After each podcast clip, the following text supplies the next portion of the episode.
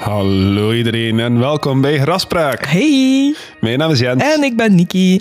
en wij zijn, jullie, eh, wij zijn terug jullie twee spooky hosts van deze week. Yes, welkom. Ziet het, Nicky? Absoluut. Ja, het is, eh, het is eigenlijk al een heel productieve dag geweest voor mij. Dus kom, we smijten er nog een opname op. Voilà, mijn dag is juist begonnen. Ik ben net uit mijn nest gerold, eh, maar eh, ik, ik deel uw energie, zou ik zeggen. Geef het nog een koffietje of drie en je bent op hetzelfde level. ja. ja, de laatste periode is heel sociaal geweest voor mij, dus ik geniet even van het feit dat ik een vrije dag heb, waar ik gewoon een graspraak moet maken en niks anders moet doen. En de katten zijn aan het zagen, want het is kattenmaand. Ja, dat kan wel een keer gebeuren hier wanneer dat, eh, wanneer dat april is, dat je heel veel katten op de achtergrond hoort. Dus eh hadden ze daarvoor moeten excuseren.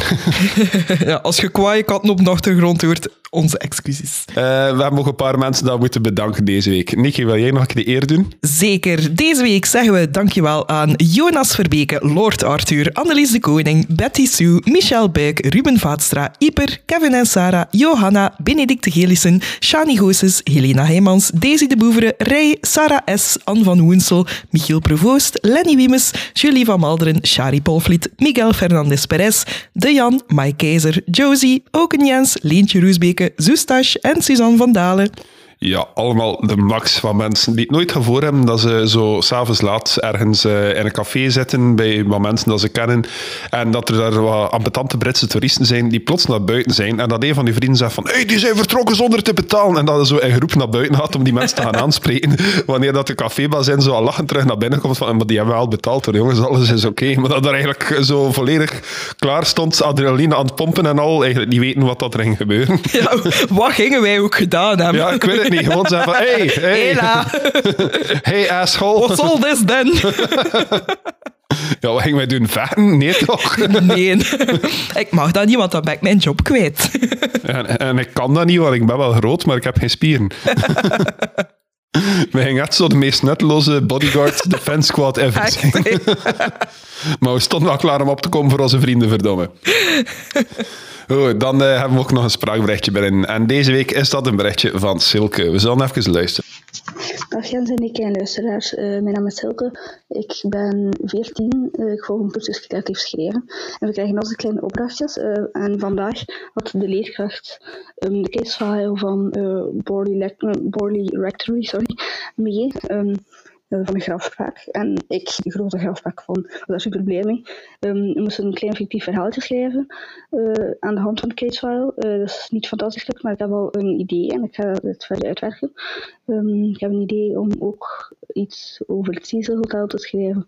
Ehm, ja, en dan misschien de Facebookgroep te posten. Als jullie daar, als, ja, als jullie dat goed vinden, natuurlijk.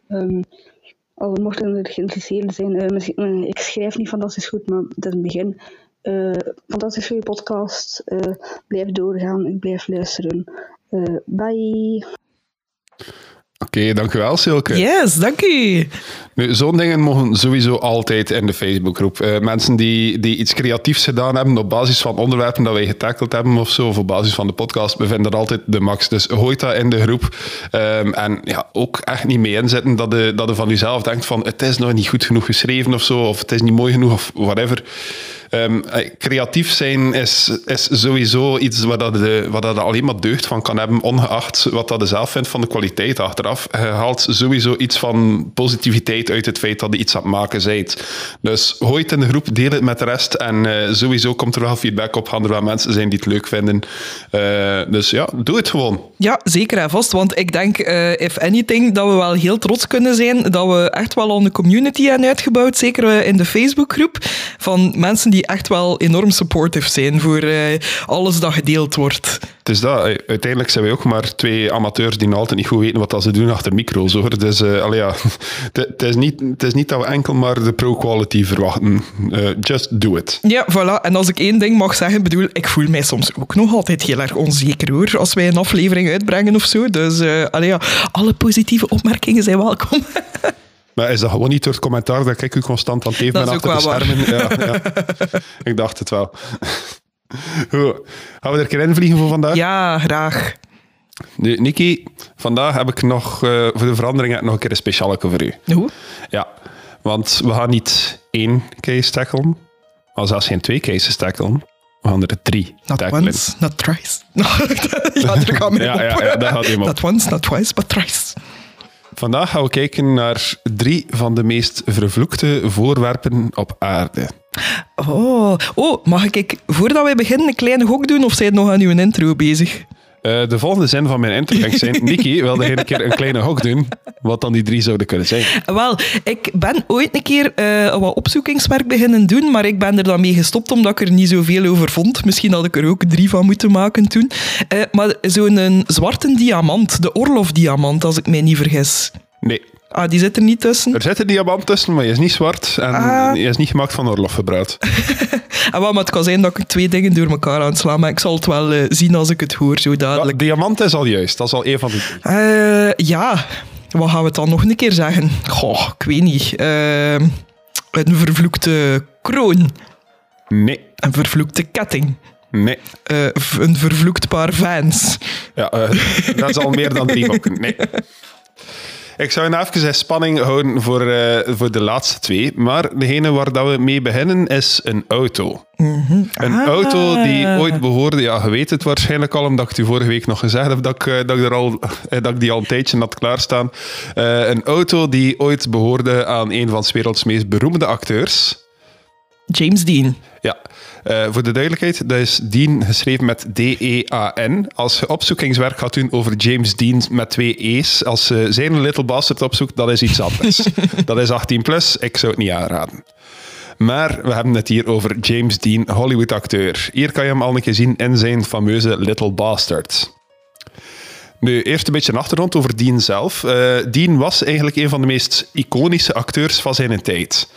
Hij stond gekend voor zijn looks, zijn rebelse geest en zijn intense stijl van acteren. Hij deed eigenlijk ook een beetje aan method acting. Eh, ik veronderstel dat je wel weet wat dat method acting is. Hè? Ja, dat je eigenlijk zodanig u inleeft in uw... Allee, nee, ga, hoe moet ik het uitleggen? Dat je bijna die rol wordt, Ja, om het zo te zeggen. Zo, zo dat waar dat Heath Ledger eigenlijk een beetje aan onderdoor is gegaan, volgens en dat zo. Daniel Day-Lewis ook heel Ja. bekend voor is, dat hij echt gewoon zijn personages wordt. Ja. Zelfs wanneer dat de camera stopt met rollen, hij is dat personage. Dat is ook een beetje wat dat James Dean deed. Nu, binnen de acteerwereld is dat nog altijd zo een beetje een dubbeltje, want ja, veel mensen haten dat echt eigenlijk met de acting. Want één, het is niet zo goed voor je mentale gezondheid, dat schijnt. En twee, het is heel ambetant op de set. Als er daar een en rondloopt die zich echt als de Joker aan het gedragen is, dat is niet leuk. Ja, mijn gedacht ging al direct ook naar Jared Leto. Dat, eh, ja, Maar Jared Leto deed dat eh, gewoon om een ambetant recht te zijn, volgens mij. volgens mij is dat geen method actor. Eh, maar los van Jared Leto. Ehm, James Dean dus. Dus ja, dat was, eh, dat was een method actor. Hij, weet, hij wist op voorhand al wie dat James Dean was. Hè. Je weet dat, die, dat die mens bestaan heeft, dat hij een acteur is. Zou ik ook wel wagen hoeveel films dat hij eigenlijk gemaakt heeft? Oh. Maar, weet je wat dat ding is? Ik ben hem altijd met River Phoenix aan het, aan het verwarren. Ik weet dat Nee. die niet zoveel films heeft gemaakt, hè, maar James Dean zelf, die heeft wel een beetje langer geleefd, denk ik. Hè. Die is zo niet op heel jonge leeftijd gestorven, denk ik. Alhoewel, dat gaat, zeker zo, hij had er zeker zo maar vijf gemaakt en of zo. Hè. Zelfs nog niet. Oeh, Nee, James Dean is wel degelijk op heel jonge leeftijd gestorven. Heeft niet veel films gemaakt, heeft er maar drie gemaakt. oké. Nu, James Dean die zou al zijn twintigste stoppen met school om professioneel te kunnen acteren. Eh, als tussenstap begon hij eigenlijk als stuntman in films. Maar eh, hij zou zijn ontslag krijgen omdat hij zijn stunts blijkbaar te snel uitvoerde. Na een tijd zou hij wel in toog beginnen springen van enkele regisseurs en zou hij zijn carrière kunnen beginnen met wat tv-rollen. En uiteindelijk zou hij zijn breakthrough-rol krijgen eh, in de film East of Eden, een film uit 1955. Dat was gebaseerd op een gelijknamige roman van een auteur die John Steinbeck heet. En daarin speelde James Dean de rol van Cal Trask, een rebelse tiener. Die rol die zou hem ook meteen een Oscar-nominatie opleveren. Oh, Zo de eerste filmrol dat hij ooit onderneemt, direct een Oscar-nominatie. Dus hij hij wist wel van, there's greatness ahead. En zoals elke goede film zeide al boven de 20 jaar als je een rebelse tiener moet spelen. Dat ook, ja. I'm looking at you, John Travolta. Nu, zijn tweede film zou zijn allerbekendste worden. En ik weet dat je zeker die titel kent. Rebel Without a Cause. Rebel Without a Cause, inderdaad. Opnieuw speelt James Dean daarin, ook kan het ook anders, een rebelse tiener. De film zou een fenomeen worden en zou hem eigenlijk een onsterfelijke status verwerven in de filmgeschiedenis. Maar, ironisch genoeg, voor iets dat hem onsterfelijk maakt, is het eigenlijk ook pas uitgekomen na zijn dood. En was er nog een tweede film die ook nog zou uitkomen na zijn overlijden. En die film heette Giant. Daarin uh, kreeg hij een tweede Oscar-nominatie en hij speelde daarin een boerenzoon die plots heel rijk zou worden. Ik denk iets met een olievondst of zo, maar ben niet zeker. Hij had die rol eigenlijk aangenomen zodat hij, uh, uit schrik dat hij anders ging blijven getypecast worden als de rebel. Hij wou een keer iets anders kunnen doen. Dus ja, Dean die zou de, uh, de release van zijn laatste twee, twee films dus nooit meemaken. Maar hij zou wel een enorme invloed hebben op tal van acteurs na zijn dood. En tot op vandaag zijn er nog altijd die, die opkijken naar hem als een van de grote voorbeelden binnen de acteerwereld. Maar ik denk dat dat ook ja, typisch is aan die vroegtijdige sterftes. Um, kijk naar de 27 Club, al die um, ja, artiesten die op 27-jarige leeftijd gestorven zijn. Ik denk dat dat gewoon een soort van mythische status geeft. Dat ja, in sommige gevallen en er misschien nog ja, meer een, een soort van goddelijke status bijna geeft. En uh, dat we ja. meer mensen er, er echt naar opkijken. Ja, ergens is dat natuurlijk wel een beetje zo. Je hebt, uh, hebt figuren zoals uh, Jimi Hendrix, Kurt Cobain. Uh, recenter voorbeeld is Amy Winehouse, geloof ik, die ook maar 27 ja. geworden is. Ehm, maar het verschil met hen en Dean is wel dat die allemaal wel al redelijk wat gedaan hadden. Kurt Cobain had al redelijk wat albums uitgebracht met Nirvana, stond aan de top van de rockwereld. Ja, Amy Winehouse was ook al jaren bekend en Jimi Hendrix was ook al een rockgod voordat hij overleden is. Wel, en... James Dean had één film uitgebracht. Ja, maar misschien was dat net toevallig echt een ongelooflijk succesvol ding. Allee, want veel van die acteurs dat inderdaad ook vroegtijdig gestorven zijn, waren echt on the top of their game en waren juist op hun piek gelijk bijna. Ja, ja, dat is wel waar. Wat dat eigenlijk een beetje ja, een, een heel erg geluk bij een heel erg ongeluk was natuurlijk. Nu ja, ergens wel. Hé. Zo dat, dat, dat jong sterven, dat hoort ergens een beetje bij die, bij die goddelijke status, denk ik. Maar ik zou het toch niet aanraden. Persoonlijk ben ik meer van, van nog even langer te leven en uh, traagjes weg mijn carrière. ja, ja, ja ik, ik, ik hoop ook dat ik hier nog uh, even mag rondwaren hoor. Ik hoop het ook. Goed, dus uh, ja, de laatste, de laatste twee films zou je dus de, de release nooit van meemaken. Uh, en dat kwam een beetje door zijn tweede passie naast acteren. En die tweede passie, je kunt het misschien al raden. Ik, ook, uh, ik, ik, was even aan het spieken bij je nota, sorry. Ah, nee, ja, maar ik wist het wel al, racen. Racen, ja. Hij was verzot op snelle auto's en motos. En uh, James Dean hij zou zelfs deelnemen aan enkele races, zelfs tijdens zijn tijd in Hollywood. Het grote geld dat hij aan zijn filmrollen verdiende, spendeerde hij heel graag in dure auto's.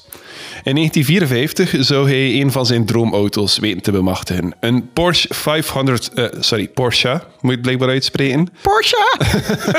sorry, dat is een heel obscure referentie dat niet veel mensen gaan snappen. maar als je hem snapt, stuur een hele briefkaart naar Niki Tonder. uh, maar.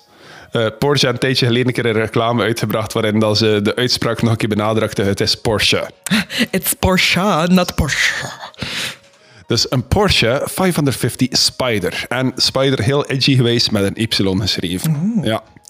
Ik heb hier uh, een foto van uh, dat exacte model van wagen. Ja, wat dat gelijk echt wel een, een vrij contrast is met wat dat er zo in de jaren 50 populair was. Hè. Allee, of toch, gelijk in mijn hoofd denk ik, ik dan altijd aan zo die grote Cadillacs en zo, en zo van die uh, suikerspinkleurtjes. Ja, maar daar ging je niet meer racen, hè. Allee, ja, die, die, die, die, auto uit Thunderbolts diende daar niet voor. Dat heette toch Thunderbolts, met die popjes? Thunderbirds. Thunderbirds, die auto uit Thunderbirds. Oh, Thunderbolts. Komt perfect. de Thunderbolts waren daar ook. Shout-out naar de Thunderbolts. Uh, dus de Porsche Spider, dat was een auto met twee zetjes, een open dak en uh, ja, eigenlijk echt specifiek gemaakt om te racen. Die werd gemaakt tussen 1953 en 1956. Um, het was geen bijzonder grote auto, maar wel heel krachtig. Die auto werd specifiek dus gemaakt voor de races en was enorm zeldzaam. Er waren er slechts 90 van gemaakt en James Dean had er één van. Nu, al was het een racemodel, die auto had wel de reputatie dat hij heel moeilijk te besturen en te controleren was. Zelfs ervaren bestuurders ondervonden heel veel moeite om de controle te bewaren achter het sturen, een keer dat ze hoge snelheden begonnen te halen en ja, daarmee bochten proberen te nemen en zo. James Dean die zou die auto een bijnaam geven die bijna even beroemd zou worden als de naam James Dean zelf: Little Bastard. En er zijn enkele theorieën waarom dat hij die naam gekozen heeft. De eerste theorie is dat hij die naam te danken heeft aan een regisseur die hem geholpen heeft om te starten in Hollywood, William Bast. Blijkbaar uh, noemde, uh, noemde William Bast James Dean al een keer Little Bastard en zo James Dean hem Big Bastard genoemd hebben. De tweede theorie is uh, dat Little Bastard de bijnaam was van een personage uit een script waar dat Dean ooit aan gewerkt heeft en die, dat script heette The Little Bastard. -hmm.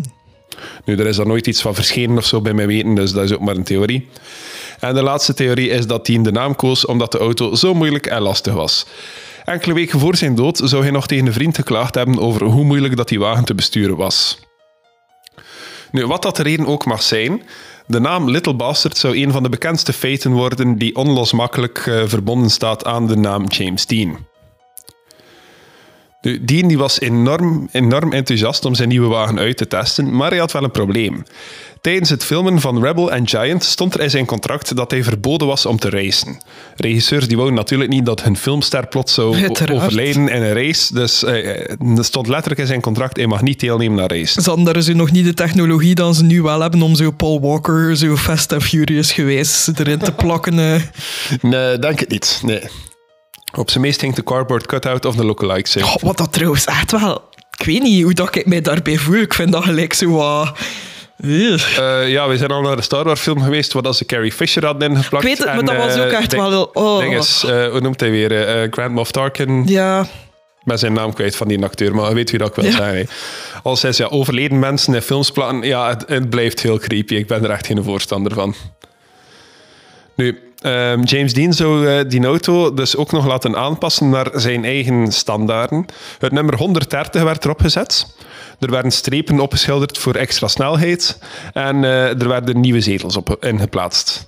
Hier zie je nog eh, ja, een foto van toen ze aan het werken waren aan de auto. en waarom de 130, weet je dat? Ik denk dat gewoon al die, al die Porsche Spiders, dat ze allemaal een nummer op zich kregen en dat je als bestuurder mocht kiezen, I guess, I don't know. Gelijk voetballers. Ja, zoiets. Op 23 september 1955 eh, kreeg hij zijn wagen en ja, hij, zou, eh, hij zou zijn eerste rit ermee maken. En hij stopt aan een wegrestaurant en hij ziet daar een bekend gezicht. Niemand minder dan collega-acteur die eigenlijk net voor de allereerste keer ooit in Hollywood was. Een man genaamd Sir Alec Guinness. U bekend als... Obi-Wan. Sorry, Ben. Because Obi-Wan is a name he hasn't heard in a long time. Al sinds de ene bron zegt van, oké, het, is, eh, het is zijn eerste ritje dat hij ermee maakt en hij stopt aan dat wegrestaurant. Eh, maar Sir Alec Guinness zelf vertelde het iets anders, want die zegt dat die wagen wel al stond aan dat wegrestaurant, maar dat die er eigenlijk nog niet mee gereden had op dat punt. Maar weet je wat? Ik ga het hem gewoon zelf laten vertellen. is tied to its bonnet. Uh, and I said, How fast do, can you drive in this? He said, oh, I can do 150 in it. And I said, Have you driven it? He said, No, I've never been in it at all.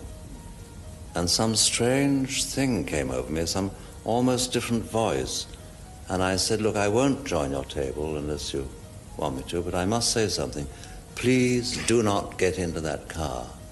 Because if you do, and I looked at my watch, and I said, if you get into that car at all, it's now Thursday, whatever the date was, uh, 10 o'clock at night, and by 10 o'clock at night, next Thursday, you'll be dead if you get into that car.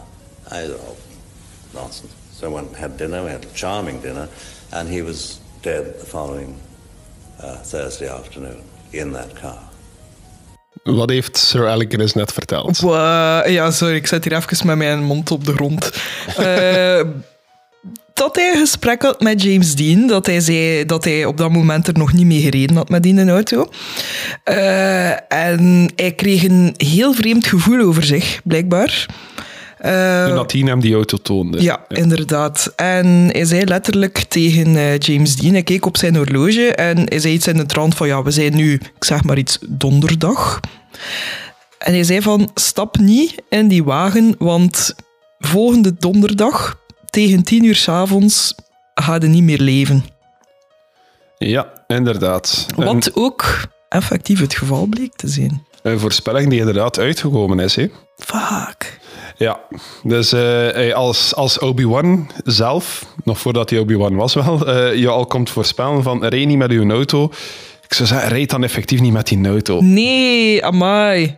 Kunnen wij zo een keer een belletje doen naar Sir Alec Guinness ook, om gelijk zo de, de Euro-millions cijfers voor volgende week een keer te vragen of zo? Ik denk dat we daar een Ouija-bord voor gaan nodig hebben op dit punt. Ja. Als ik me niet vergis, is de man al gestorven. Nu, we gaan een weekje later. Eh, ik denk dat je al eh, ziet aankomen wat dat er gaat gebeuren. Hè. Op eh, 30 september 1955 waren James Dean en zijn goede vriend Rolf Woeterich onderweg naar een race in Salinas in California. Ze werden gevolgd door een fotograaf genaamd Sanford Rod en ook nog een truck. Eigenlijk was de bedoeling dat dat Little Bastard ging vervoerd worden in die truck om tot aan de race gebracht te worden. Maar Dean besloot last minute om toch zelf te rijden. Twee uur na zijn vertrek zou hij nog een, snelheid, eh, een snelheidsboete krijgen. Rond kwart voor zes die avond op eh, Route 466 zouden ze in een botsing terechtkomen met een Ford Tudor uit 1950, bestuurd door een man genaamd eh, Donald Turnipseed. Die zou ongeveer aan een snelheid van 140 km per uur gereden hebben. En blijkbaar waren zijn laatste woorden iets in de trant van die man moet ons toch gezien hebben, die had toch uitwijken. Dat zou eh Rolf Woeterich eh, achteraf vertellen, maar op andere momenten zei hij dan dat hij niets meer wist van de momenten voor de botsing. Eh, hoe dan ook, Dean werd uit de auto gecatapulteerd en liep dodelijke verwondingen op. Hij zou een half uur later overlijden in het Pablo Robles War Memorial Hospital. Ehm, de, andere, de andere slachtoffers van het ongeval zouden het wel allemaal overleven. Rolf Woeterich zou er met minimale verwondingen vanaf komen. En ook Donald Turn Turnipseed. Maar, dat is hier een foto van het, Oh. van het accident, effectief. Je kan hier het wrak heel goed zien. Eh, dat is wat dat er nog overbleef van Little Bastard. Hoe ziet dat eruit, Nicky? Jezus. Ja, vooral die bovenste foto, die uiteraard in de casefile zal komen, veronderstel ik. Op graspraak.be. Ja, absoluut. eh, je kunt ook naar boven scrollen voor die eerste foto. Amai, dat is echt... Hij heeft gelijk in brand gestaan ook, die wagen waarschijnlijk. Hè, want er ja, er zal wel iets ontploft of verbrand zijn. Ja. ja. Het is echt gelijk, gelijk dat die auto bijna in twee is geplooid geraakt langs de zijkant. Ja. Dus ja, James Dean, hij zou ehm, helaas slechts 24 jaar oud worden. Er, ehm, er was een eh, man genaamd Dr. William Esrich die het wrak van eh, Little Bastard nog zou overkopen en er nog wat onderdelen uithalen. De motor onder andere zou hij installeren in zijn eigen raceauto, want was zelf ook een racer. De versnelling en de koppeling zou hij uitlenen aan een medearts en racer genaamd Troy McHenry. Esrich zou heel kort erop zelf in een race een crash meemaken en overleven. McHenry, die de koppeling had van Little Bastard, eh, raakte in diezelfde race een boom en zou het niet overleven. En vanaf dan zou iedereen eigenlijk die in aanraking komt met Little Bastard heel veel tegenslagen kennen. Het wrak werd overgekocht door een man genaamd George Barris, die de bijnaam had de King of Customs. Die deed niet liever dan auto's restaureren, eigenlijk vooral deed hij dat voor Hollywoodfilms. Barris die wou Little Bastard fixen, maar hij merkte al gauw dat dat eigenlijk niet meer mogelijk was. De schade was te groot. Hij besloot dan maar dat de enige manier om er toch nog geld aan te verdienen was om de wagen uit te lenen voor shows. En van 1957 tot, 1955, eh, tot 1959 sorry, werd er getoerd door de National Safety Council met Little Bastard als een voorbeeld voor veilig rijgedrag. Ze gingen naar autoshows, naar cinemas, naar bowlingzalen, overal eigenlijk dat er veel volk verzamelde om te tonen wat dat gevolg kan zijn van te snel rijden. Nu, in eh, maart van 1959 stond Little Bastard in een opslagplaats in Fresno, wanneer dat die mysterieus in brand zou gevlogen zijn. De enige schade aan de auto zelf waren twee gesmolten banden en wat beschadigde verf. Eh, maar voor de rest, binnen de garage was er eigenlijk geen schade. Maar blijkbaar zou het, eh, zou het gewoon plots een brandje geweest zijn bij een auto die al jaren eigenlijk stilstaat, niet meer draait, geen olie meer heeft of zo. Spontaneous car combustion. Voilà. Eh, Barris die zou er wel nog in slagen om twee banden van James Dean in een auto door te verkopen aan een andere Porsche-eigenaar. En volgens de legende zouden allebei die banden op hetzelfde moment ontploft zijn tijdens de rit. Maar jong, is er daar bewijs van? We gaan verder. Kort daarop werd er ingebroken en zouden de inbrekers proberen om Little Bastard te stelen. Maar die zouden daarbij allebei verwondingen oplopen en zonder buit moeten vertrekken. Blijkbaar kon Little Bastard zijn eigen wel verdedigen. De snelwegpolitie zou ook vragen aan Barris of dat ze een tentoonstelling mochten maken in een garage waarbij dat mensen Little Bastard zouden kunnen aanschouwen. Barris ging akkoord en dat gebeurde. Maar diezelfde garage zou s'nachts afbranden. Al dat van de brand overbleef, al dat het overleefd heeft, was Little Bastard. jong. Die was nog intact. Allee, of zo intact of dat hij nog was op dat punt. Er zou nog een expositie gebeuren, deze keer in een school. Daarbij zou Little Bastard van de display rollen en de heup van een student breken.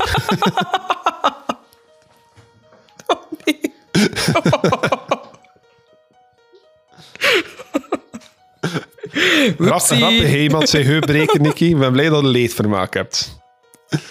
Maar nee, ik denk dat ik meer aan het lachen ben met gewoon de, de, de silliness of it all. Gewoon van, dat kan toch niet meer. Maar het wordt nog een beetje slapstick hier. Ehm, de auto werd eh, teruggebracht richting de regio waar dat James Dean gestorven is. Er was namelijk nog een tentoonstelling in Salinas. Ehm, de vrachtwagen die Little Bastard vervoerde, zou onderweg een botsing meemaken. En in die botsing, ik verzin het echt niet, werd de chauffeur door het raam geslingerd. Werd Little Bastard uit het laadruim geslingerd en kwam die op die chauffeur terecht. Jezus. Kan, het kan perfect in een tekenfilm passen. Allee, ja, geef toe. Nu, Little Bastard, ehm, ik weet niet of je dat weet, maar tot op vandaag is die eigenlijk even spoorloos als de schreeuw van Edward Munch, want die is gestolen geweest.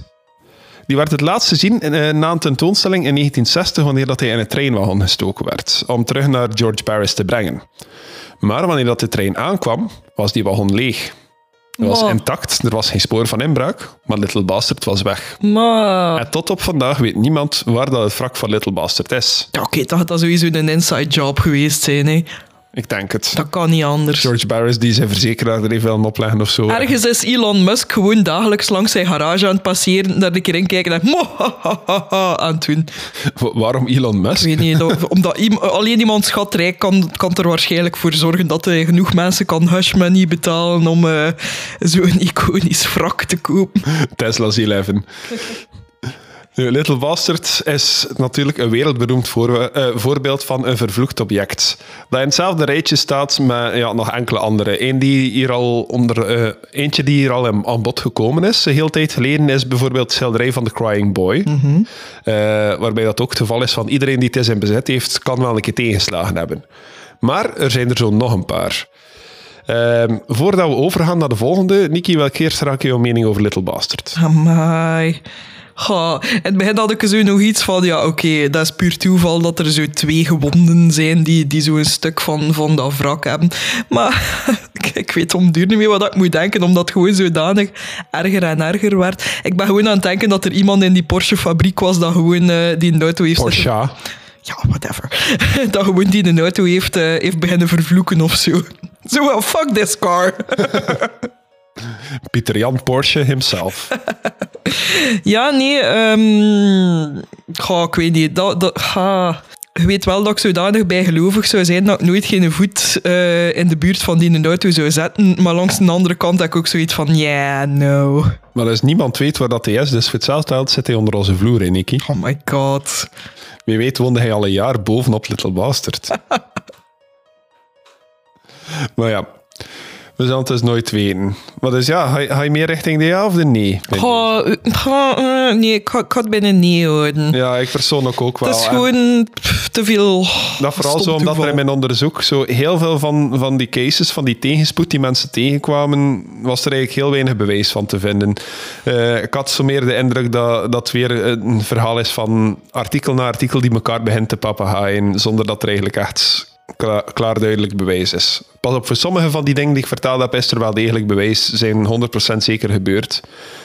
Maar ik kan dat niet garanderen van alles dat ik net vertelde. Ja, en wie weet, soms, soms is er ook gewoon zo'n beetje dat psychologisch aspect dat meespeelt. Allee, als je nu bijvoorbeeld pakt van die camionchauffeur, voor hetzelfde geld je zoiets van, ah, oei, ik ben hier nu aan het rondrijden met iets dat mega hard vervloekt is en zij je zelf ook zodanig gek aan het maken daarvan, dat je ook misschien gewoon per ongeluk een fatale fout maakt. Wie weet.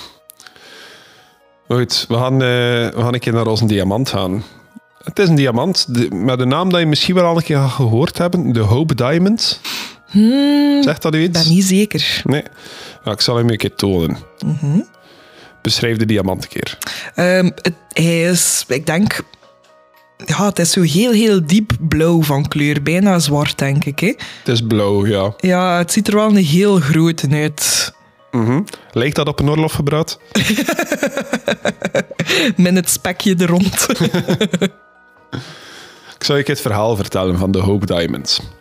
En dat verhaal begint honderden jaren geleden in een eeuwenoud stuk van Indië. Er is daar ergens een opening in de bossen en in die opening ligt de ingang tot een eeuwenoude hindoe-tempel. Hoe dat die tempel juist heet, moet je mij niet vragen. Maar er was een avonturier die die tempel ontdekte. En zou hem ook beginnen verkennen zijn. Hij zoekt lang door donkere hangen, eh, waarschijnlijk ook vallen aan het ontwijken, rollende boulders die achter hem zitten en zo. Ik haal al mijn tempelkennis uit Indiana Jones, dus ik veronderstel dat dat klopt. Ehm, en na lang zoeken doorkruist hij een hal die hem naar een kamer brengt, waar dat er een gigantisch standbeeld staat. En wat ziet hij in dat standbeeld? Daarin verwerkt iets gigantisch rood en blauw dat het licht van zijn fakkel weer kaatste naar hem.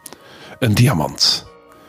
Hij zou die diamant uit dat standbeeld halen en zo snel mogelijk uit die tempel lopen, terwijl dat er waarschijnlijk zo stemmen achter hem aan het roepen zijn, pijlen overal aan het Echt, zijn, rookie mistake. stenen uit het plafond aan het vallen. Allee, ja. Maar hij zou erin slagen om uit die tempel te raken. Maar die man had geen enkel idee wat voor een reis dat die diamant nog zou maken. En hij zou het ook nooit weten, want kort na die vondst zou hij zelf een verschrikkelijke dood sterven, volgens de legende. Ik weet niet wat dat die verschrikkelijke dood is. Het was verschrikkelijk. Waarschijnlijk eh, gesquashed onder James Dean zijn. Onder die diamant. Zo groot was hij. Ehm, de diamant zou in de 17e eeuw opnieuw opduiken in de dagboeken van een Franse edelstenenverkoper genaamd Tavernier. Of Tavernier. Dus eh, ja, hij zou die edelsteen gekocht hebben in Indië. Misschien. Andere legendes zeggen dat hij die diamant waarschijnlijk gestolen heeft. Zijn dagboeken, zijn dagboeken vermelden gewoon plots dat hij de diamant heeft, maar niet hoe dat hij die bemachtigd heeft. Wat dat blijkbaar een, eh, een typisch trucje was van verkopers in die tijd als ze iets eh, op illegale wijze bemachtigd hebben. Gewoon opschrijven dat het hebt, niet opschrijven hoe dat het hoe dat in uw bezit geraakt is. Maar goed, ja, die diamant zou terug meekomen richting Europa en zou ook de naam Le Tavernier Bleu krijgen. In die tijd was de diamant nog driehoekig en ehm, had hij een gewicht van 112 karaat. Wat dat enorm veel is. Ik weet niet veel van karaten en zo, maar eh, ik weet wel dat dat veel is. maar dat is ook zo gelijk hoe zwaar dat, dat is, hè? Als ik mij niet vergis. Vandaar dat ik zeg dat dat gewicht is, ja. Ja, sorry, ik was even tuut. Afgeleid. Volgens bepaalde geruchten zou eh, die man, ja, Jean-Baptiste Tavernier trouwens, ehm, kort na het bemachtigen van die diamant overleden zijn. Maar andere geruchten zeggen dat hij 84 jaar werd, dus eh, neemt dat misschien met een korreltjes uit. Maar ik vond dus wel verhalen terug dat hij een eh, verschrikkelijke dood was gestorven aan de hand van een aanval door wolven of honden. Niki is afgeleid. Nee, ik ben gewoon iets aan het opzoeken, omdat dat verhaal mij meer en meer begint voor te komen. En ik was gewoon een keer aan het opzoeken of dat dat niet te maken heeft met die diamant waar ik het over had. Maar dus Jean-Baptiste Tavernier wordt opgegeten door honden. Niki, Ja, heb je daar een reactie op? ja, kijk. eh, don't fuck met vervloekte diamanten dat Voilà. uit een tempel komen. Hè. Allee, ja. Laat ze liggen. Nu, wat er wel vaststaat, is dat hij de diamant zou verkocht hebben aan eh, de Franse koning in ruil voor heel veel hout en een adellijke titel. De Franse koning op dat moment was Louis XIV. En eh, die kocht ze over in 1668. En hij zou die ook opnieuw laten versnijden, eh, nu naar 67 karaat, dat is toch een pak karaatjes minder, en gaf het de naam Le Bleu de France. Zijn juwelier, Jean Pitot, zou de diamant versnijden. En dat was echt wel een, huzarenstuk, want dat zou maar liefst twee jaar duren voordat die diamant volledig versneden was. Mijn theorie is dat Jean Pitot een slacker was. dat ze zo af en toe een keer komen kijken van, eh, ja, en hoe zit het met een diamant? En ja, dat Netflix gewoon zo opstaan of zo. ja, maar Jean, Jean had er eraan doordoen. Ja, ja, maar hey, laat mij nu maar rustig. Ik moet mij kunnen concentreren. En zoals ze zijn de ruimte nog niet uit. Dat is zo zoals die een biep van een Playstation die weer aangezet wordt. Maar wel slim gezien om dan al uw werkuren door te rekenen, hè, twee jaar lang.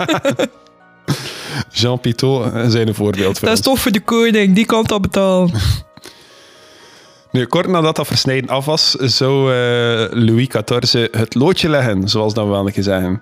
Hij zou overlijden aan een ziekte en op één na zouden ook al zijn kinderen nooit de volwassen leeftijd bereiken. Zouden die ook allemaal sterven. Maar nou ja, dat was niet zo abnormaal. Maar opnieuw is, is dat mensen die in bezit zijn van de diamant die toch wel serieuze, serieuze tegenspoed meemaken.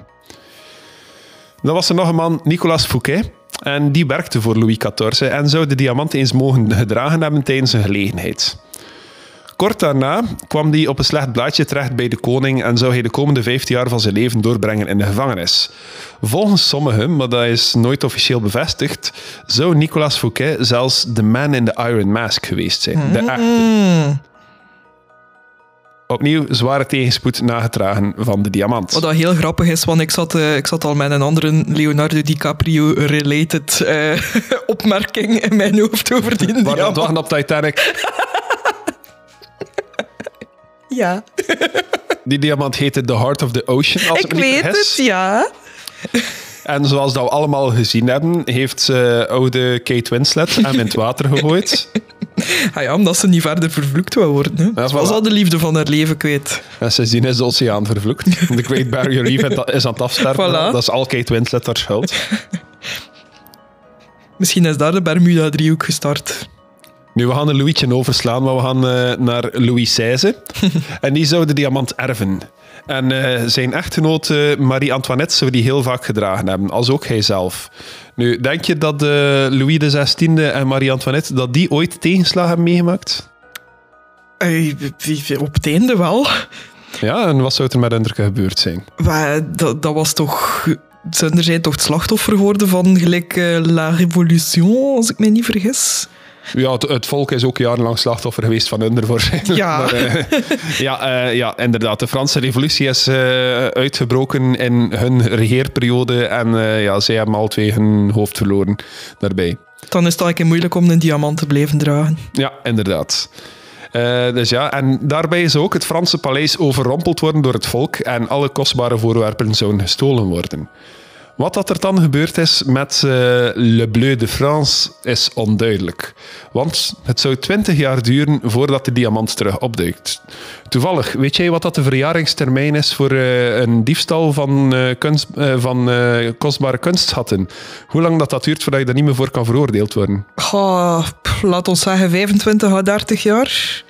Nee, er is een reden dat ik u zei dat 20 jaar duurde voordat hij weer opduikte. Eh, de de Ah ja, ja, oké. 20 Eh, 20 jaar later zou die terug opduiken in de handen van een Londense juwelier genaamd Daniel Eliasson. Eh, net als bij Tavernier vermeldde Eliasson dat de diamant plots in zijn bezit was, maar niet hoe dat hij die in zijn bezit had gekregen. Eh, Wilhelm Vals, een Nederlandse juwelier, zou de diamant ook kunnen bemachtigen en opnieuw versnijden.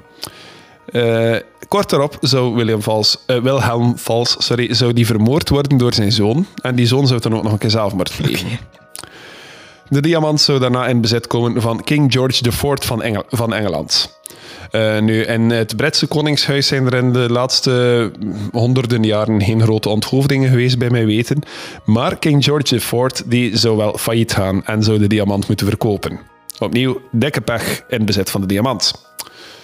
Dan was er nog een Griek, eh, wiens naam dat ik nooit juist ga kunnen uitspreken. eh, Simon Maongarides of zoiets. Eh, en dat was een, ja, een verkoper en die zou de diamant in zijn bezit krijgen. Hij zou samen met zijn vrouw en zijn kind van een klif rijden. Dat is echt... Oh, ik, En vind, iedereen die die diamant aanraakt, heeft pech. ik vind dat hilarisch om te zien welke, welke reis dat die een diamant al heeft afgelegd. Allee, ja, dat, dat, dat zit zo in handen van Britse adel en dan zit dat in één keer in Griekenland. Maar het was een Griekse verkoper. Ik weet niet of dat hij hem in Griekenland heeft, heeft gekocht, effectief. Ehm, al ja, moest, ik dit verhaal volledig in detail beginnen vertellen, eh, zou het dat mij ten eerste heel veel meer op, opzoekingswerk gekost hebben. En ten tweede zou het in een podcast hier drie uur duren, denk ik. Want eh, ik ben hier tien minuten aan het vertellen, er is al 25 man dood en er is een revolutie gepasseerd. Dan was er nog een dame genaamd Evelyn Walsh McLean. En dat was een Amerikaanse dame die geboren werd in rijkdom. Haar leven ging heel goed, totdat ze de diamant kocht. Ze zou die dragen en ze zou zelfs een halsbandje hebben voor haar hond, waar dat de diamant ook kon insteken. Dus die hond was soms aan het rondlopen met de diamant. Nu, Nicky, wat denkt u dat er gebeurt? Hey, tot nu toe hebben mensen gezien die de diamant gerespecteerd hebben, die er goed zorg voor gedragen hebben, en die hebben allemaal dikke tegenslagen gehad. Wat denkt u dat er gebeurt dat die rond een hond doet?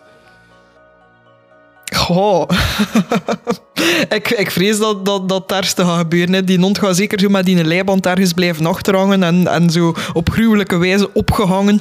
Nee, ik weet niet of dat er specifiek iets met de hond gebeurt, maar Evelyn Walsh McLean die was er wel heel onvoorzichtig mee. Enkele keren zelfs tijdens feestjes zou ze de diamant gewoon verloren hebben, omdat ze hem liet, eh, rondslingeren. Nu ze had blijkbaar wel heel eerlijke vrienden, was ze had hem wel elke keer terug. Maar ja, kort nadat ze de diamant in haar bezit kreeg, eh, zou haar schoonmoeder overlijden. Haar zoon zou vervolgens sterven aan negenjarige leeftijd. Haar echtgenoot zou haar verlaten en kort daarop ook sterven. Haar dochter overleed aan een overdosis drugs en uiteindelijk zou ze al haar rijkdom verliezen en sterven in schulden. Haar overlevende kinderen zouden de diamant erven en doorverkopen aan Harry Winston. Harry Winston zou hem dan enkele jaar later nog spotgoedkoop doorspelen aan het Smithsonian Museum, waar dat de diamant tot op heden ligt. Ah, tuurlijk, alles belandt uiteindelijk in het Smithsonian Museum. Een laatste slachtoffer van de diamant was niemand minder dan de postbode die de diamant naar het museum gebracht heeft. Allee. James Todd, ja. my god. Die zou kort daarna een ongeval gehad hebben waarbij dat hij beide benen verloren is. En daar ook nog een keer een hoofdwonde in, eh, bij is opgelopen. En kort daarop zou zijn huis zelfs afbranden. En al dat hij gedaan heeft, was de diamant van punt A naar punt B brengen. Ik denk dat ik zo als postbode zo zou lopen met dat pakketje van... Oké, diamant, ik ben niet uw eigenaar, ik ben u gewoon aan het vervoeren. Please don't kill me. Nu, er is, er is nog één huidige eigenaar van de diamant. En dat is het Smithsonian Museum, wat dat eigenlijk ook toebehoort aan de Amerikaanse overheid. Dus de officiële eigenaar van de Hope Diamond op dit moment is het land Noord-Amerika. And we all know how that's going. Dat sinds 1958. Nu, als we kijken in de tijdslijn sindsdien, enkele jaar later gebeurt de aanslag op JFK, gevolgd door Watergate, gevolgd door het presidentschap van Ronald Reagan, gevolgd door 9-11, gevolgd door Donald Trump, en zo kunnen we nog een eentje voortdoen. Zouden dat allemaal gevolgen kunnen zijn van een land dat vervloekt werd door een gestolen diamant? Wat denk jij, Nicky? Ja, het zijn de lizard people dan dat geplant hadden in die een tempel. En, en die een eerste onderzoeker genudged hebben om die een tempel te doorzoeken. ja, pak die een diamant maar, doe maar. It's blue and shiny, take it.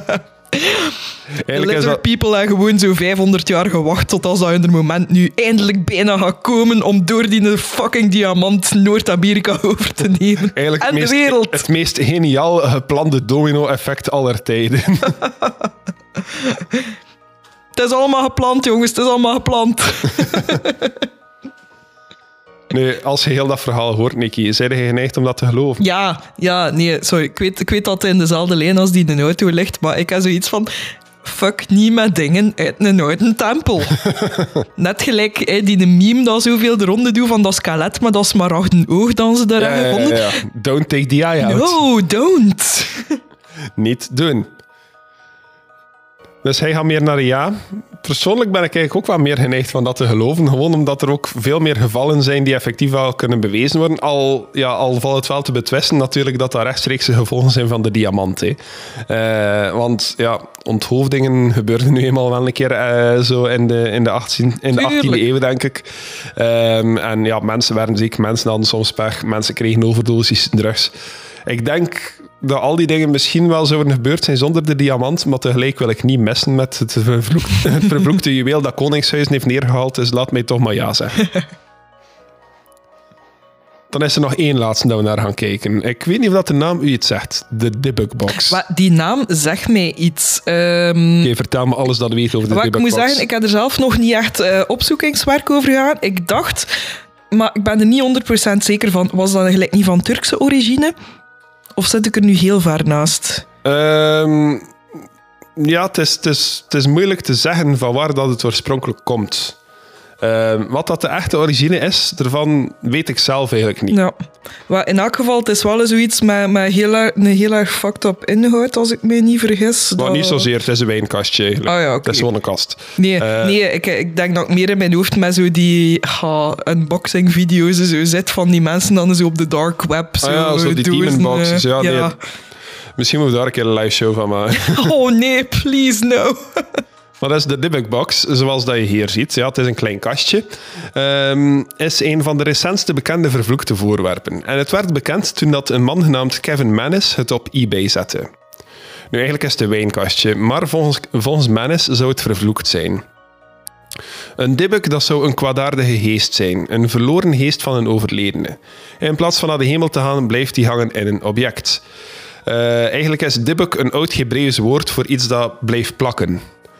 Ehm, dus de Dybbuk box wil ik gewoon zeggen, er zit iets in. Er zit een kwaadaardige geest in die doos. Ja, dus zal waarschijnlijk zo meer van gelijk Palestijnse origine of zo. Dat kan, ja. zijn. Eh Manis zei dat hij het kastje heeft overgekocht van de erfenis van een Poolse vrouw, samen met een hoop andere gerief. Hij wou het na zijn aankoop eigenlijk teruggeven aan de kleindochter van die, van die Poolse vrouw, omdat hij dacht dat er emotionele waarde aan zat, maar die wou het absoluut niet terug aanvaarden. Misschien had dat al een teken moeten zijn aan Manis. Maar ze zei hem dat, eh, dat haar grootmoeder die kist uit het zicht bewaarde en door niemand liet openen. Manis zelf had een shop waarin dat hij meubels herbewerkte en hij nam de doos mee naar daar en zette die in de kelder. Nu, op een dag was hij, was hij bezig een boodschap gaan doen wanneer dat hij plots telefoon kreeg van een van zijn medewerkers. Dat er iemand door de kelder liep te vloeken en dingen kapot het maken was. Kevin keerde terug naar de shop en hij zag dat alle lampen in de kelder kapot waren en dat, dat de kelder rook naar kattenurine. Die medewerker die zou zijn shift zelfs niet afmaken, die zou gewoon vertrekken en die zou nooit meer terugkeren. Blijkbaar had er toch iets in die kelder gezeten. Net zoals dat er hier in onze living zit momenteel. Kevin zou uiteindelijk eh, aan die doos beginnen werken, maar in plaats van ze te bewerken, zou hij ze gewoon proper maken. En hij wou ze cadeau doen aan zijn moeder voor haar verjaardag. Nu, ik weet niet of dat hij zijn moeder graag had, eh, of dat het eh, een bewuste fuck you was naar haar of zo, maar... Hier maar, een vervloekt kastje. Dus ja, zijn moeder kwam naar de winkel en hij gaf haar dat kastje cadeau. Eventjes zou hij de kamer verlaten om te telefoneren. En plots komt een van zijn werknemers naar hem lopen en zegt zij van... Er is iets mis met je moeder, je moet komen. Kevin naar daar en hij vond zijn moeder die ineengezakt zit in een stoel. Ze heeft een neutrale uitdrukking op haar gezicht en ze was aan het wenen en ze was precies katatoon. Ze kon niets meer doen. Hij liet haar naar het ziekenhuis brengen eh, en die zeiden dat ze een beroerte gedaan had. En een tijd lang kon ze niet meer spreken. Nu, in die periode praten ze via een bord waar er letters op stonden. En ze zou enkel eh, de woorden no gift en hate gift spellen naar hem. Daarna zou hij dat gastje cadeau doen aan zijn zus. Die zou het een week lang in haar bezit houden en dan teruggeven. Daarna gaf, hij het aan zijn broer en zijn schoonzus en die zou het na drie dagen terugbrengen. wa- waarom wilde dat kastje per se aan iemand geven? Ik denk dat hij er gewoon vanaf wil op dat punt. Zijn broer zei van, ja, dat kastje dat ruikt precies naar bloemen. Maar zijn schoonzus zegt van, eh, wat voor bloemen haalde hij in huis? Maar volgens mij ruikt dat naar kattenurine. Oké, dus eh, dat kistje had duidelijk iets tegen vrouwen. Ja, dat kistje had vrouwen, bevestigd. Kort daarop zou Kevin het verkopen aan een oudere dame. Opnieuw, drie dagen later, vond hij die doos terug aan zijn deur met een briefje. This has a bad darkness. er zit iets duister in. Allee. Nu, Kevin, ja, hij zag geen andere oplossing meer. Hij nam dat kastje mee naar huis. En kort daarop begon hij nachtmerries te krijgen. Een nachtmerrie waarin hij aan het wandelen was samen met een vriend. Die hij dan in de ogen begon te kijken en hij zag iets kwaadaardig terugkijken. Die vriend zou nog veranderen in een demonische heks die hem begon te slaan. Hij werd zelfs wakker, zei hij, met blauwe plekken over heel zijn lichaam na die nachtmerries. Wanneer dat mensen kwamen overnachten, hadden ze blijkbaar ook dezelfde nachtmerries als dat Kevin had. Zolang dat dat kastje daar in huis was. En zowel Kevin als mensen die op bezoek kwamen in zijn huis zouden soms ook schaduwfiguren gezien hebben. Hij zou het al gauw beu zijn en die kast in een bergplaats stockeren. Maar dan zou hij beginnen met meldingen te krijgen dat er een rookalarm aan het afgaan is in die bergplaats. Wanneer dat hij gaat kijken was er geen rook, maar wel een bepaalde geur. Kan je raden welke geur, Nicky? Kattenurine. kattenpies. Hij zou die kast terug in huis nemen, for whatever reason. Ik weet niet waarom dat hij die kast al lang niet verbrand heeft. Eh, en hij begint onderzoek te doen. Hij valt in slaap en hij wordt wakker om 4.30 uur s morgens van het, het gevoel dat iemand in zijn nek staat te ademen. Terwijl rook hij de geur, deze keer niet van kattenpies, maar van bloemen. Hij kijkt op en al het haar op zijn lijf staat recht, want hij ziet daar een schaduwfiguur die naar hem staat te staren vanuit de hang. Nu, verder zou er die nacht niets gebeuren, maar het was wel genoeg geweest voor Kevin. Hij zet die doos te koop op eBay. Met ook wel een duidelijke ding van... Kijk, uh, volgens mij is dat vervloekt. Ik heb al enkel maar tegenslag gehad sinds uh, dat ik dat in huis heb gehaald. En in 2003 werd hij overgekocht door een persoon genaamd Losif Nitske. Losif en zijn roommate kregen nachtmerries en een ziek gevoel van zodra dat de debugbox in hun huis was. En ze zouden het enkele maanden later opnieuw op eBay zetten. Hij zou het verkopen aan een museumdirecteur genaamd Jason Haxton, die je hier ziet met de debugbox die hij uh, uit elkaar aan het halen is, zo te zien. Uh, Haxton die zou ook paranormale fenomenen meemaken met de doos, maar hij zou ook zeggen dat, uh, dat, die, dat de debugbox hem jong houdt. Dat dat ervoor zorgt dat hij niet veroudert. Nu, jong is relatief in deze man zijn geval, denk ik, maar hij zegt dat hij het gevoel had dat hij niet aan het verouderen was. Hij zou wel ziek geworden zijn door de doos. En uh, hij zegt dat die doos aanraken hem bijna in shock deed gaan, dat hij handschoenen moest dragen. Hij zag ook vreemde lichtjes en schaduwen, blijkbaar. Maar hij zou die doos op een heel wetenschappelijke manier onderzoeken. Samen met een team van wetenschappers en paranormale specialisten en zelfs enkele Wiccans zou hij de doos uh, in een staat trachten te krijgen dat hij ze zonder probleem kon bewaren. Hij wou dus zorgen dat whatever dat erin zat, eruit ging. Hij gelooft dat er een kracht in die doos zit en dat die kracht eigenlijk neutraal is, maar zich aanpast aan wie dat ermee in contact komt. Het is op zoek naar iets en heeft daarvoor de juiste eigenaar nodig. Dat is toch zijn theorie. Nu, wanneer dat ze niet onderzocht werd, zou Heksen de doos bewaard hebben in een, uh, in een begraven militaire kist, zodat niemand ze zou kunnen vinden. Maar uiteindelijk uh, zou hij de doos doorverkopen aan een man die wij alle twee wel kennen van, van op tv. Een man genaamd Zack Bagans. Uiteraard. als, er, als er iemand is dat dat soort shit opkoopt, is het wel. maar die man heeft een museum in Las Vegas voor haunted voorwerpen. En de debugbox staat daar ook. Dus, uh, ja, een vloek hij, meer of minder. Voilà, inderdaad. Hij koopt die uh, dus over als uh, deel van zijn collectie paranormale objecten. En ehm, blijkbaar mag je daar als publiek niet zomaar binnen in de ruimte met de debugbox. Staat Bagans dat niet toe. Tenzij dat je een papier ondertekent dat uh, Bagans en zijn museum volledig niet verantwoordelijk zijn voor de gevolgen dat jij draagt van het in de buurt komen van de debugbox. Dude. En er is zelfs een denk nog beroemder uh, slachtoffer geweest van de debugbox in recente jaren. Uh, zegt de naam Post Malone u iets? Ja, ja, absoluut. Ik denk zelfs dat hij een keer een onderzoek heeft gedaan, ook met de crew van uh, Ghost Adventures. Ja, ja sowieso is die bevriend met Zack Bagans. want Bagans heeft hem een keer meegebracht in het museum. En... Ehm, we gaan nu naar een video kijken waarin dat we gaan zien dat Zack Bagans de debugbox aanraakt en dat Post Malone Zack Bagans aanraakt. Uh, terwijl dat hij dat doet. En als het dan allebei volgens mij toch verschrikt uit de kamer beginnen te lopen. Er is geen geluid bij. Het zijn gewoon bewakingsbeelden.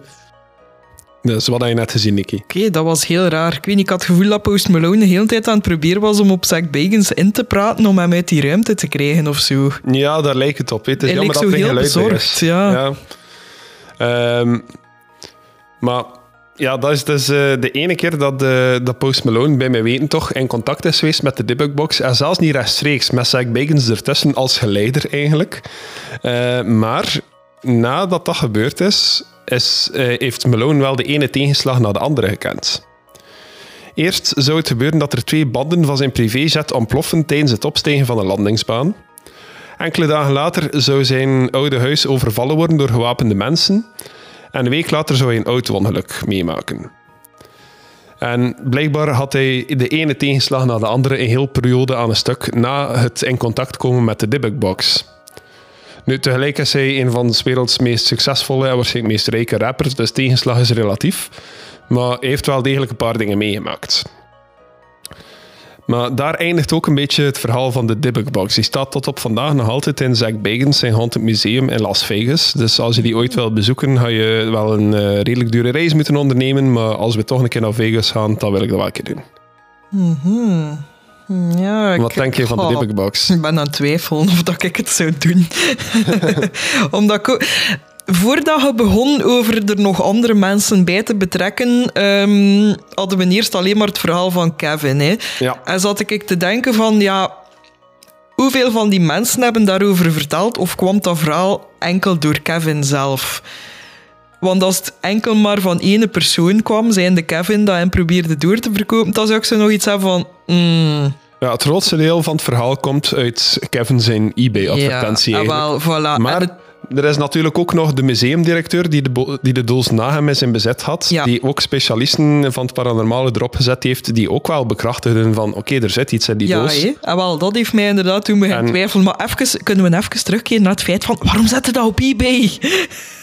Ja, wat moet er anders mee doen? Aan iedereen dat het al zo verkoopt, eh wordt het terug aan die deur gezet. Als het op eBay zet, dan weten de mensen van... Het kan iemand zijn van relatief ver die dat ding overkoopt. En de kans dat ze dat terug aan mijn deur zetten is kleiner. Maar ik denk, je gaat dan gewoon direct naar, naar de persoon dat je weet dat die een shit direct opkoopt. Neem gewoon direct contact op met Zack Bagans. Ja, of zet dat gewoon aan de deur van de kringwinkel. Nee, ik ehm, ga, ja, ik weet niet, het lijkt zo misschien een beetje in dezelfde lijn als met eh, de diamant uit de tempel. Gewoon terug. eh, Ja, don't fuck with the ancient Ja. cursed objects. ja. Ja, dat is het. Nu, of, dat, of dat die voorwerpen nu echt vervloekt zijn of niet, dat is heel moeilijk te zeggen. Wat dat voor veel op een vloek lijkt, kan natuurlijk gewoon een reeks toevallen zijn. En allee, ja, er is altijd zoiets als een confirmation bias. Hè, wat dat je gewoon bewijzen eruit pikt die, die jouw gevoel staven. Als je al denkt van dat, voor, eh, dat voorwerp is vervloekt en hebt dan nog een keer een of andere pech, dan is het heel gemakkelijk te zeggen van ah ja, maar dat is omdat ik dat vervloekt voorwerp heb. Dat is de confirmation bias die je altijd hebt in zo'n za- zaken. Ehm, eh, bijvoorbeeld alle debugbox ongelukken waren misschien ook gebeurd als die kast helemaal niet in het verhaal zat. Maar als men al weet dat ze zogezegd iets vervloekt hebben, ja, dan, dan hadden natuurlijk rapper die conclusie maken. Tuurlijk, absoluut. Want ja, als ik terugdenk aan mijn eigen leven, bedoel, het zijn er ook al periodes geweest dat er op korte tijd zoveel dingen na elkaar gebeuren dat je soms denkt van, waarom gebeurt mij dat nu? Ja, hij, hebt ook alleen maar pech sinds dat ik, eh, sinds dat ik Latijnse woorden ben beginnen influisteren in uw slaapsnas. maar is dat daarom gelinkt eraan? Ik weet het niet. Maar uiteindelijk is het geloof in vervloekte voorwerpen iets heel complex dat door verschillende factoren kan beïnvloed worden. Zowel cultureel als persoonlijk als psychologisch. Er is geen wetenschappelijk bewijs dat de theorie van een vloek staaft. Maar het geloof in vloeken blijft bestaan en de voorwerpen zijn op zijn minst heel fascinerend. Dus ik weet niet, eh, ik weet niet of dat ik persoonlijk 100% kan geloven eh, in, in vervloekte voorwerpen. Ik ga hier wel voorzichtig naar een ja, bij, eh, toch bij twee ervan. Maar het algemene geloof in een vloek, ik weet het niet. Ik vind dat, ik vind dat een vrij moeilijk. Ja, ik blijf er ook wel sceptisch tegenover staan. Hè, omdat ik zo... Een heel groot deel van mij zegt van ja, maar ja, dat is inderdaad geen waar en dat is gewoon heel toevallig dat die dingen gebeurd zijn. Ja, maar I don't Maar- want to fuck with it. Voilà, inderdaad. Voilà. Ik denk dat dat zoal bij 90% van onze cases mijn antwoord is geweest. Dus je wordt ook bang van Atlantis, is daarom dat je ja gezegd. Don't fuck with Atlantis. Don't fuck with Atlantis. Ja, als er één les is dat je uit raspraak leert, don't fuck with Atlantis. Huh, gaan we afronden voor deze week? Ja. Of voor deze twee weken. Eh, er zijn nog steeds tickets te krijgen voor de liveshow die doorgaat op 20 mei 2023 in Oostzee de Kleine Beer te Beernem. Niki, take us home. Yes, neem zeker een kijkje op grafspraak.be, want daar vind je van deze en alle voorgaande afleveringen de casefile terug. Als je graag een paar foto's, filmpjes en al de rest wat er aan bod is gekomen in de afleveringen wil terugvinden. Voor de rest kan je daar ook de contactknop terugvinden als je zelf een van jouw paranormale gebeurtenissen met ons wilt delen. En je vindt daar natuurlijk ook onze webshop terug, waar je ons logo op van alles wat je maar wilt kunt plakken en bestellen. We zijn ook te vinden op de sociale media Facebook, Instagram en Twitter onder Grafspraak en natuurlijk ook de Grafspraak Community groep. Raspraak is zoals altijd te beluisteren op alle mogelijke podcastplatformen, Spotify, iTunes en al de rest. Het enige dat we van jullie vragen in ruil voor deze gratis afleveringen is dat jullie ons een rating geven en dan nog liefst een rating van 5 sterren. Of dat jullie abonneren of volgen of whatever dat is dat je kan doen in je app naar keuze, want eh, dat is overal anders, maar het helpt ons wel allemaal om meer publiek te bereiken en om te groeien als podcast. Dus als je daar eventjes tijd voor wil nemen, dan wordt dat enorm geapprecieerd. Want ja, mensen die dat niet doen, die kunnen kunnen het wel eens voor, voor hebben dat ze een heel kostbaar voorwerp in hun bezit krijgen, maar dat dat dan blijkt vervloekt te zijn en dat ze een heel slapstick cartoon doodsterven. Dus doe dat jezelf niet aan, bescherm jezelf daarvan en geef die rating. Goed, bedankt om te luisteren naar Raspraak van deze week. Wij zijn terug binnen twee weken. Tot dan. Bye.